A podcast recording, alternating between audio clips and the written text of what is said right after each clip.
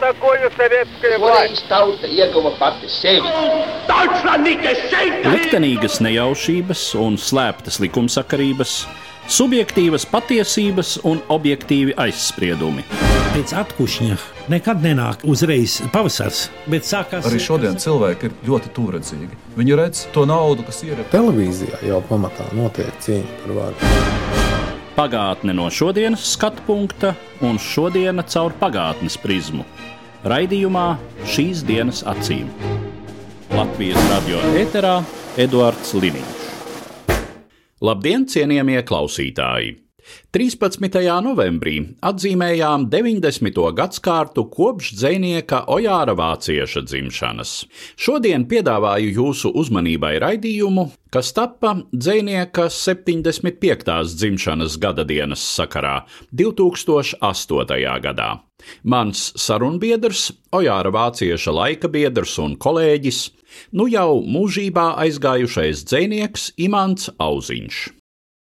Protams, ka vienā tādā pusstundas sarunā mēs nevarēsim aptvert visu vācieti, tāpēc orientēšos uz dažiem momentiem, kam manā klātbūtnē ir nācies pieskarties arī tieši pie šī sarunu galda šajā studijā, jo gan raidījumā šīs dienas acīm vāciešu vārds šad un tad ir piesaukts, gan arī tādā spilgtā atmiņā man ir raidījums Rīta rosme. Tas sakrita ar vāciešu 70 gadi, kad sabiedrībā sāk raisīties tādas brīžiem dīvainas runas par to, kas tad ir vācietis, ko tad viņš mums nozīmē, un arī tieši pie šī sarunu galda un pieminētā raidījuma ietvaros mums ar Mārci Bendiku iznāca tāda viedokļu apmaiņa bez konsensusa. Kaut kur bija uzpeldējusi tāda lozungveidīga tēze par to, ka nu, Ojārs Vācietis latviešu tautas sirdsapziņa.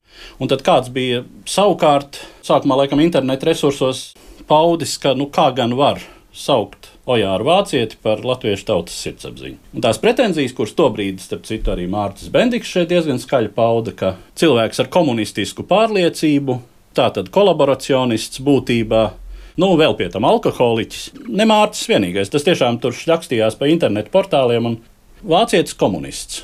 Pirmais, ko es gribētu pateikt, un galvenais, ir tas, ka runāja par lielu dzīvnieku, lielu dzīvu. Gan Latvijas mērogos, gan mūsu reģionā, Austrumēropas mērogos, gan arvien noteiktāk arī kā par vienu no lielajiem Eiropas dzīvniekiem. Varbūt tas ir jaunākais, kas kritikā parādās pētījumos. Nu, teiksim, Valde Čikāna rakstā Karoga 7. numurā 2005. gadā Ojāra dzēja beidzot tiek skatīta Celāna, Ensensbergera, Brehta, Bobrovska, Tadeuša Ruževiča un citu kontekstā. Var saukt Pablo Nerudu, Hikmetu, Nobela prēmijas laureāts dažus arī un izrādās, ka runa ir par līdzīga mēroga dzīvnieku. Par to jau runā kā par pierādītu faktu. 42 valodās, laikam, tulkot rojāra dzējies, pareizi atceros. Vai, teiksim, Karins Petersons uzruna operā. Vismaz Eiropas dzīvnieks, tāds bija formulējums. Nav vienkārša dzīvnieka, jo nav vienkārša laikmetu, un īpaši jau no 20. gadsimta nav tas vienkāršais laikmets. Komunistiskā kustība bija viena no milzīgajām tautas masu kustībām daudzās zemēs, kas uh, turpinās būtībā vēl. Tā ir pielīdzināma reliģijai drīzāk.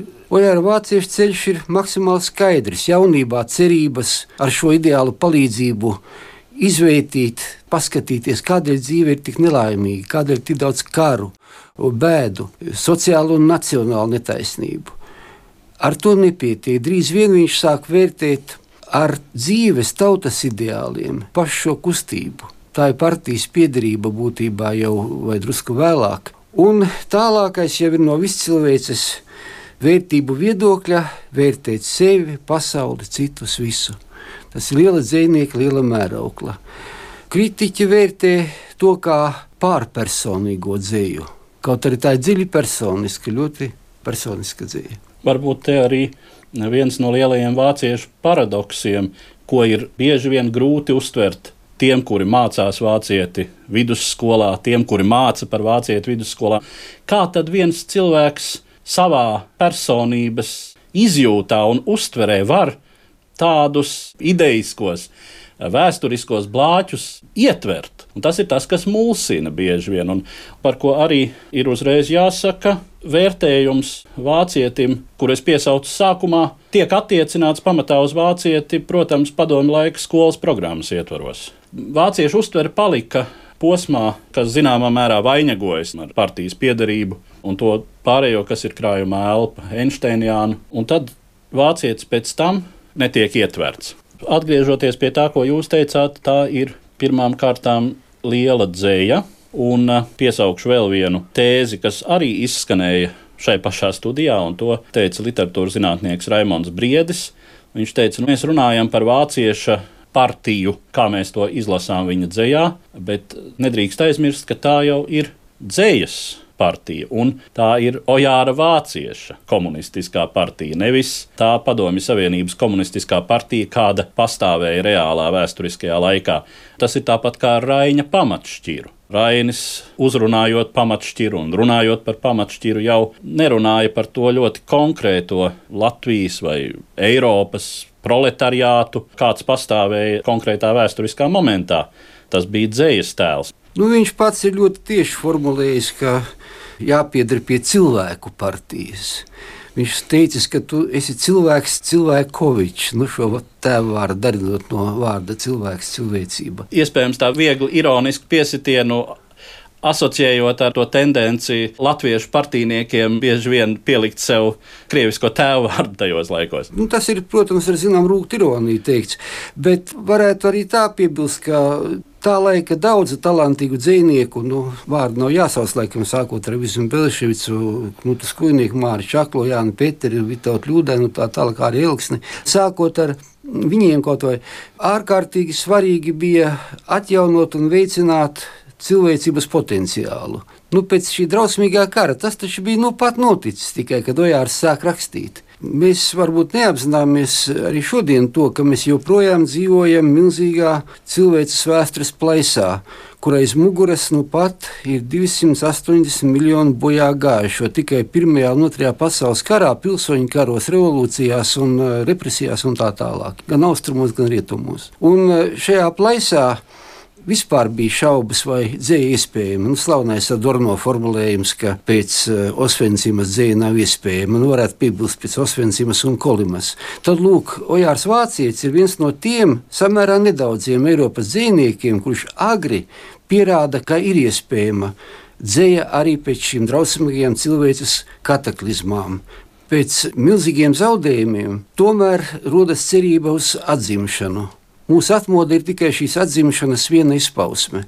Ludmila Zārova, kas vislabāk, protams, pazina Ojāru, raksta tā, galu galā viņš pirmais pasludināja savu neatkarīgo republiku, izcīnīja savu vientuļo brīvību, nodibināja savu valsti. Jāpaliek pie tā, kas attiecas tām diskusijām daudziem, ka dzēja nerisina, kāda būs valstiskā forma. Dzēja aizstāv mūžīgo Latviju tās formas mainās. Šodienas Latvija ir nav gluži tā pati, kas pēc 34. gada, vai pat ne tā, kas pirms 34. gada.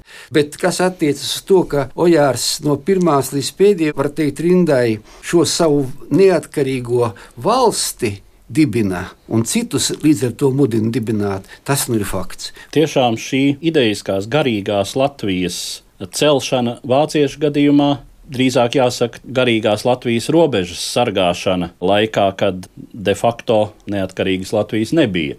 Tas sasaucas ar mūsu 90 gadus raidījumiem, kad tā sagadījās, ka Raimons Briedis bija tas, kurš formulēja, ka literatūra bija Latvijas brīvvalsti uzcēlusi jau mazliet pirms de facto, pēc tam de jure Latvijas republikas, un literatūra, es teiktu, arī turpināja ar gara spēku sargāt to Latvijas robežu, kad citu spēku, ar kuriem to sargāt, nebija. Tas ir tautas liktenis visā šajā gadsimtā. Ojāra dzēja atbalsojas, nu, kas pirmie dziesmu svētki jau 19. gadsimtā, atbalsojas dzimbūšanas laiki, 5. gads, strēlnieki, Latvijas valsts neatkarības izcīņa, Pūtvēņa slavenais.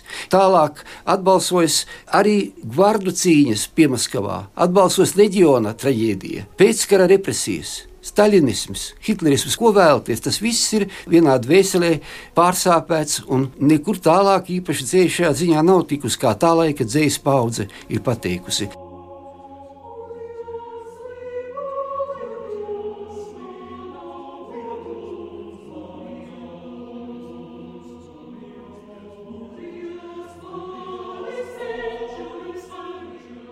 Tā ir tautas sirdsapziņa, un tai mūžam tādai būt, būt vējiņi, dzen laiviņi, būt vējiņi, būt. Ries klons vai pļavas ciņi, vai nu vagars, vai nu jods, un tik vien tā būt vējiņi, cik tu jāņu naktī zodz. Esi mierīgs, dzīvo rāmi, kamēr kauli sausi kalst, dieviņš aizdos savu prāmi nokļūt tur, kur veļu valsts pūt vējiņi, dzen laiviņu, aizdzen mani kapsētā.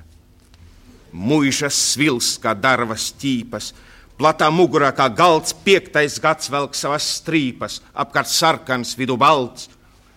Pārāk cietāda viņiem, nu, tad lai palīdz miets un plī, nav nekāda pūtvēņa, ir božet carē hraņī.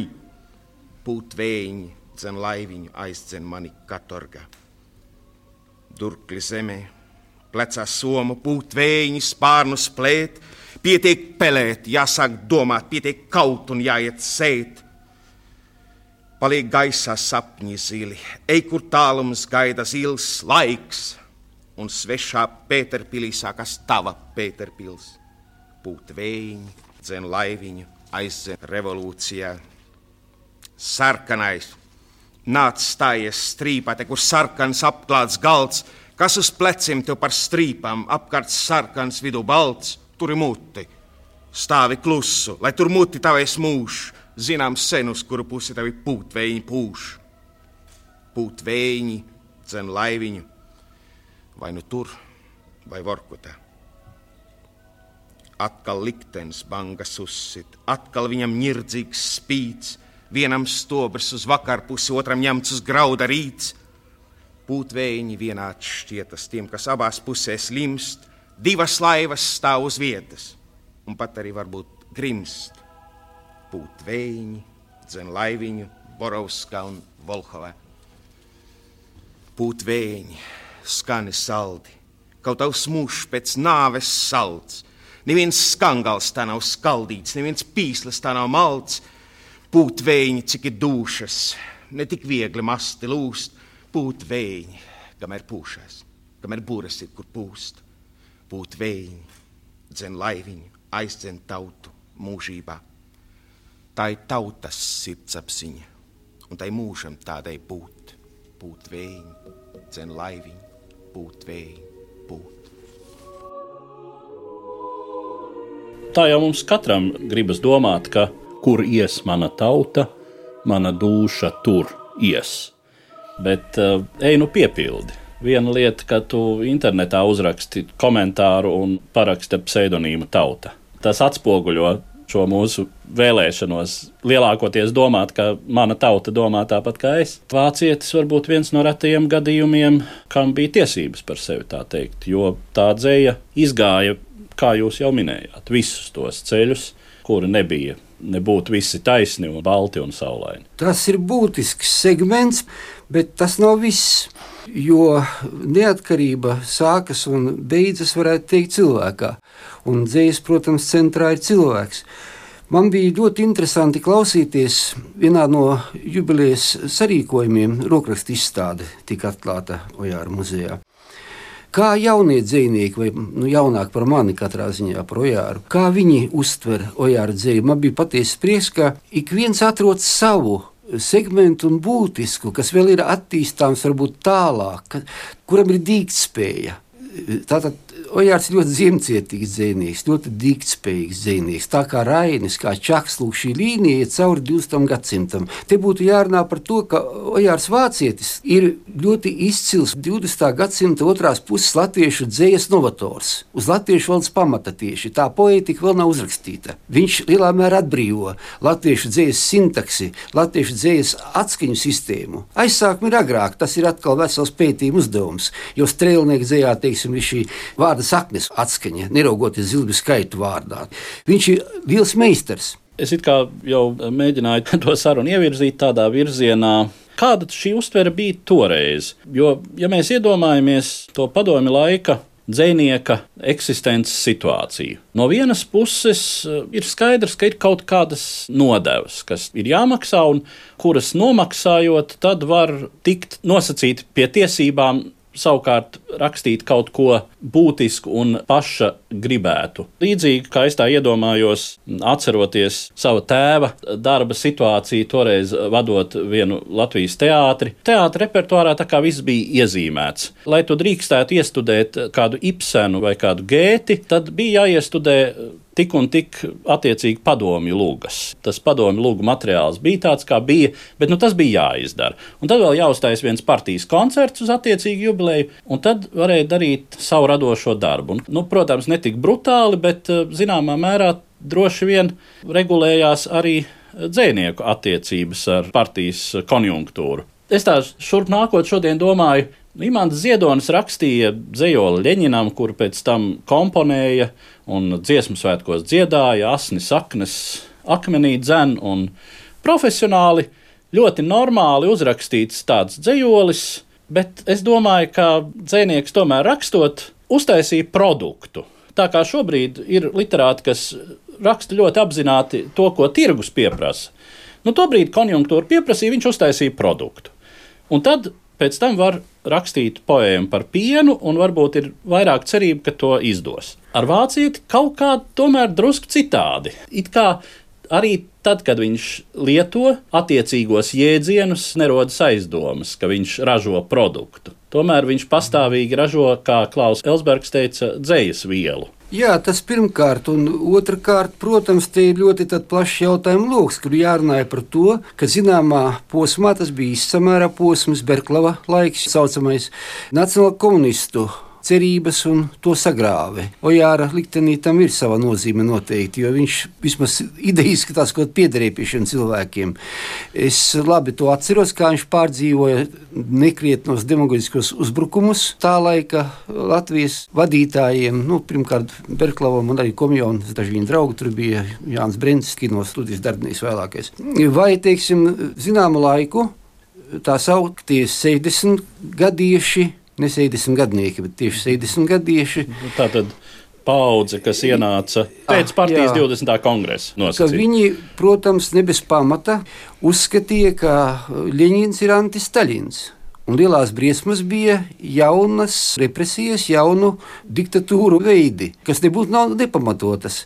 Un tādēļ šis bija viens no mēģinājumiem samērā bikliem, ja salīdzina ar to, kas notika apkārtējās zemēs, atgādināt arī tiem, kas vispār par kaut ko domā, atgādināt revolūcijas ideālus. Un šis bija viens no paņēmieniem. Es nedomāju, ka Ziedonim tas bija produkts. Es domāju, ka tas arī bija mēģinājums atgādināt, un sekojiet taču paši saviem ideāliem. Tāpat kā Saharova vai citu disidentu darbība sākās ar to, ka viņi atgādināja konstitūciju ir galu galā taču konstitūcijā noteikts. Tas, ko viņi ierosina un dara, un beidzot ar mūsu atmodu un eh, atgādinājumu, ka republikām ir tiesības izstāties no eh, savienības nu, teiksim, iestāšanās pret aizliegumu svinēt Jāņus. Ojārs viens no nedaudziem, kas parakstīja vēstuli, kur gan līdz Kruščovam nenonāca, tāpēc, ka neatradās pietiekami daudz Latvijā cilvēku atbalstītu. Ojārs Vācijas un Anna Saksa laikam parakstīja no pazīstamiem. Droši vien šodien dažam rodas jautājums, nu, kāpēc? Es domāju, ka toreiz vēl nebija izaugusi tā paudze, kura vēlāk parakstīja vēstuli lībiešu aizstāvībai, kuru mēs parakstījām diezgan daudzi rakstnieki, tā skaitā Ojārs, arī Nikostaņiecka, man Ziedons. Maratons viss neatceros vienkārši, arī es parakstīju. Tas laiks vēl ir priekšā. 70. gadu sākumā jau no vārdam nebija nozīme. Mēs vēl nebijām pazīstami pat Latvijā lāgā, ne tikai ārpus. Tur vajadzēja pazīstamus rakstniekus. Jā, un, un vecākā paudze bija vai nu paši nobijušies, vai nodarbojās ar kolēģu biedēšanu, vai arī vienlaicīgi ar, ar vienu un otru, paši baidoties un baidot citus. Nu, galu galā bija jau pamats tām bailēm. Teiksim, Edvards Salinīks atbildējis ka viņš nerakstīs par savu drausmīgo pieredzi Staļina nometnēs, tādēļ, ka iedzītas tādas bailes, ka tās pārvarēt nav cilvēku spēkos. Un viņš ir pārcietis to, ko esot vispār retais pārcietis 20. gadsimtā. Nu, var minēt citus piemērus, kad Ojārs bija pirmais burtiski, pie kura mēs devāmies parakstot vēstuli Knutas kujnieku aizstāvībai pēc aresta 72. gadā. Parakstīja Visma Belševica, Māris Čaklais, Antols Imermans, jā, un tālāk atdūrās jau Ojārs parakstīja. Un ļoti daudz tādu gadījumu ir, kas liecina par dzinieka stāju. Kā tad viņš šos ideālus saprot, ko tad viņš dara? Tas man, protams, atgādina labākajā nozīmē lietuviešu komunistu rīcību, kuri spēja savu zemi tomēr vairāk vai mazāk noturēt savās rokās. Teiksim, Ojāra runas kongresos kur viņš eh, Staļinisma atzimšanas posmā lasa ļoti asu dzīvoli pret Bēriju, pret visām represijām vērstu dzīvoli. Es domāju, ka tas biedēja ne pa jokam tā laika partijas darbiniekus. Augusts Eduardovičs Voss, ja viņš vispār lasīja, vai pat ja viņam tikai atreferēja Aivars Goris, ko viņš varēja domāt, es domāju, ka viņš brīžiem noraustījās diezgan pamatīgi. Man liekas, šodien jau arī nav atbildes vēl uz daudziem jautājumiem. Nevēl Tilgons Bērsons pareizi minēja Ojāra Vācieša atmiņu vakarā, ka veidojas jau būtu nepieciešams kopot rakstu 11. sējums, jo nav vēl viss gluži apzināts. Nu, īpaši satīri, es domāju, nav apzināti, ko Jārs rakstīja, improvizācijas dažādas. Un otrkārt, vajadzīgs atmiņas sējums par Ojāru Vācieti. Jo līdz šim tā, kas iznāca, tā ir ļoti vērtīga, manuprāt, kultūra nozīmīga grāmata, visam sirds un tāpat. Te es tikai vienu mazu piebildi gribu teikt, ka runājot par uh, padomu sistēmas atgādnībām, vai meliem, vai netaisnībām, ir jārunā par citu laikmetu un šodienas meliem, liekulību, līdzīgi netaisnībām. Un Ojārs to būtu darījis, viņa dzēja trāpa arī šodienas līdzīgas parādības. Jā, veidi mainās, tikai uh, fakts paliek viens, ka to ir formulējuši izcili rakstnieki, kritiķi un tā tālāk, ka bez uh, dogmatiskās, novecojušās komunistiskās sistēmas pastāvēja un pastāv ļoti daudz citu pretinieku pasaulē un cilvēkā pašā. Nu, neuzskaitot tagad visus tos liekulību, un melus, un ieraut kāru un tā tālāk. Un te, teiksim, varam atšķirt jebkuru ojāra grāmatu un cik šodien izskan.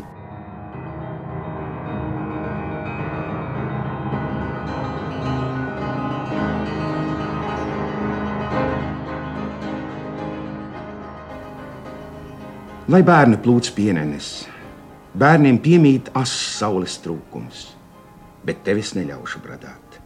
Nē, es neaizstāvu kaut kādu puķi, es aizstāvu savu sauli, mani kaprīza saule. Tā nespīd, ja nespīd pienenes apakšā. Un tajā dzirnaudīķī to auto nemazgās. Ne ēdamo karpu dēļ, bet tāpēc, ka es te atceros salītu standartu pārēdies.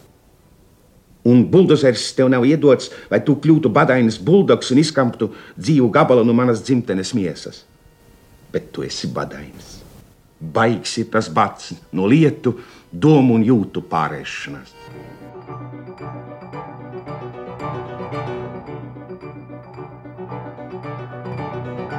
Jo nevajag aizmirst, ka Ojāra paudze dzīvoja apmēram četrās valstīs un astoņos atšķirīgos vai septiņos režīmos. Pilnīgi atšķirīgos. Jau nevar teikt, ka teiksim, Staļina laiks ir tas pats, kas pat Hruščova laiks, tas ir kas cits tomēr. Un, ja 20. gadsimta vēsturē mēs saprotam iemeslu dēļ par pārāk bieži atceramies tikai to jaunāko posmu, tad nevar aizmirst, ka mēs nācām no Latvijas, kur katrā pagastā jau kara sākumā acu priekšā nošauti apmēram desmit cilvēki. Parasti nevainīgi cilvēki, jo tie, kas jau bija kaut ko izdarījuši, slēpās, bēga un tā tālāk. Mm. Cik pretrunīga, cik saplosīta palika dzīve pēc šiem lielajiem cilvēces kariem. Nebija jau izdoma, ka tas var atkārtoties. Ne fašisms ir izdoma, ne arī šovinisms, kas pavada parasti tādas parādības. Un es ļoti labi atceros, ka arī Ojāra sarunās, ne tikai dzējā, bija šīs bažas par to, ka nu, pārsteidzoši, ka Padomju Savienībā ir tendence atzimt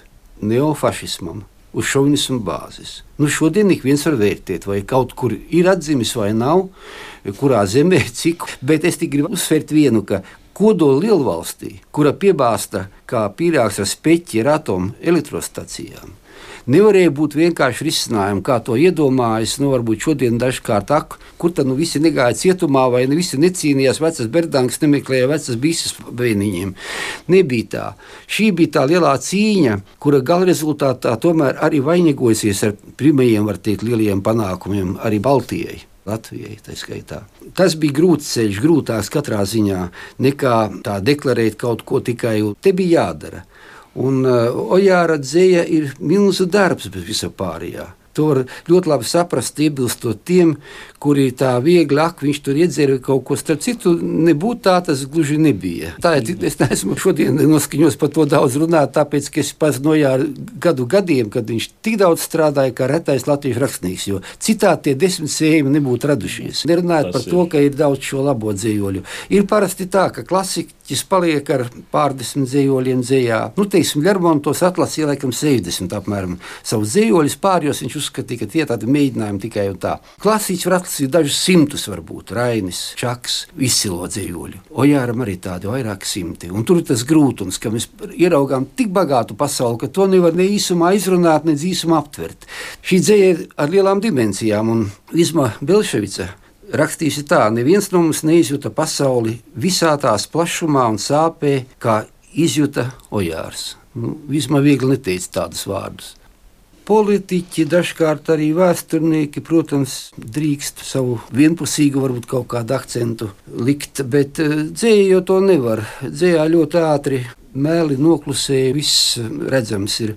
Un šī kara paudze bez bērnības, kā Ojārs rakstīja, līdz galam ārkārtīgi izjuta melus, netaisnību, liekulību, jo gana bija to pieredzējuši jau sēžot dažādu valstu, dažādu režīmu skolas solos. Un tad, kad tas milzu atbrīvojošs spēks, kas nāca no tā laika dzīslas, nāk tieši no turienes. Ka bērnībā acīm redzami centās baltu par melnu iestāstīt un otrādi. Ojārs nekādi neiedalzē arī savu tautu, kritiski attieksmi pret savu tautu ir lielākā mīlestības izpausme. Apmēram tā ir teikuši zvejnieki dažādās zemēs. Sākot ar Ojāra vāciešu tradīciju, dzēja ir gana analītiska, arī kritiska pieredzes, un tā ir viņas mīlestības lielākā izpausme pret savu zemi, pret savu tautu. Jā, tādu mīlestību zemē un tautai nevienmēr ir viegli izturēt. Šodienas pamat jautājums būtu, ka mēs no tā mēs pārgājām uz es. Ojārs jau savā laikā sauca, ka kāpēc runāt par es, ja ir tas nu, ērtais mēs, ja aiz kura paslēpties. Bet arī otrādi. Ojāram pieder vārdi, tas, kurš sevi savā centrā liek, uz šīs zemes ilgi nepaliek. Vai tikmēr es, kamēr es esmu. Nu, tie ir ļoti asi sarkastiski vārdi. Jautājums, ar kuru es gribētu arī mūsu sarunu tuvināt noslēgumam. Kāda ir jūsu sajūta par dzīslu ceļu un dzīslu ainu vispār? Mēs eh, veltījām daudz lielu vārdu šeit Ojānam Vācietim, visnotaļ pelnīti un pamatoti, un caur to iezīmējām arī tā laika dzīslu nozīmi, dziļumu un arī dzīslu vietu sabiedrības, tautas situācijas kontekstā. Kā tas izskatās šobrīd? Jums ir tāda sajūta par dzējas zināmu izsusēšanu vai seklāka aruma periodu? Nē, tā es neteiktu. Problēma ir, manuprāt, cita. Labās dzīslas, labākās dzīslas pieejamība. Aizmirstam reizēm, ka brīvība vai brīvs vārds katru dienu jāizstāv man liekas, ka tik ierobežota publicēšanās telpa, kāda šodien ir rakstniekam, tāda sen nav bijusi. Es neteikšu, ka nekad nav bijusi, sen nav bijusi. Šodienas dzējā, es domāju, daudz interesanta, daudz uh, talantīga. Bet uh, lielie jautājumi, varbūt arī vēl atgriezīsies dzējā. Pirmkārt, es domāju, lirikā, bet arī varbūt poēmā. Kāpēc nav poēmas šodien? Ojāram bija poēmas, citiem tajā laikā ir poēmas. Es domāju, nav tāpēc, ka nav šī vienotā skatījuma uz notikušo. Ir ļoti atšķirīgi skatījumi, un nevar it kā ar sirdi akceptēt liela daļa e, atmodu un pārmaiņu nepieciešamību nebija izsāpējis, tā kā Ojārs Vācijas bija izsāpējis. Tātad viens no līdzekļiem lasīt tā laika literatūru, pirmkārt, dzēju. Tur ir ļoti daudz atbildes. Ar šo arī es gribētu noslēgt mūsu sarunu par dzinieku Ojāru Vācieti un saku paldies manam sarunas biedram, dzēniekam Imantam Auziņam. Paldies! Izskanēja raidījums, kas tappa Ojāra Vācieša dzimšanas 75. gada dienas sakarā 2008. gadā. Par pagātni sarunājas Eduards Līniju.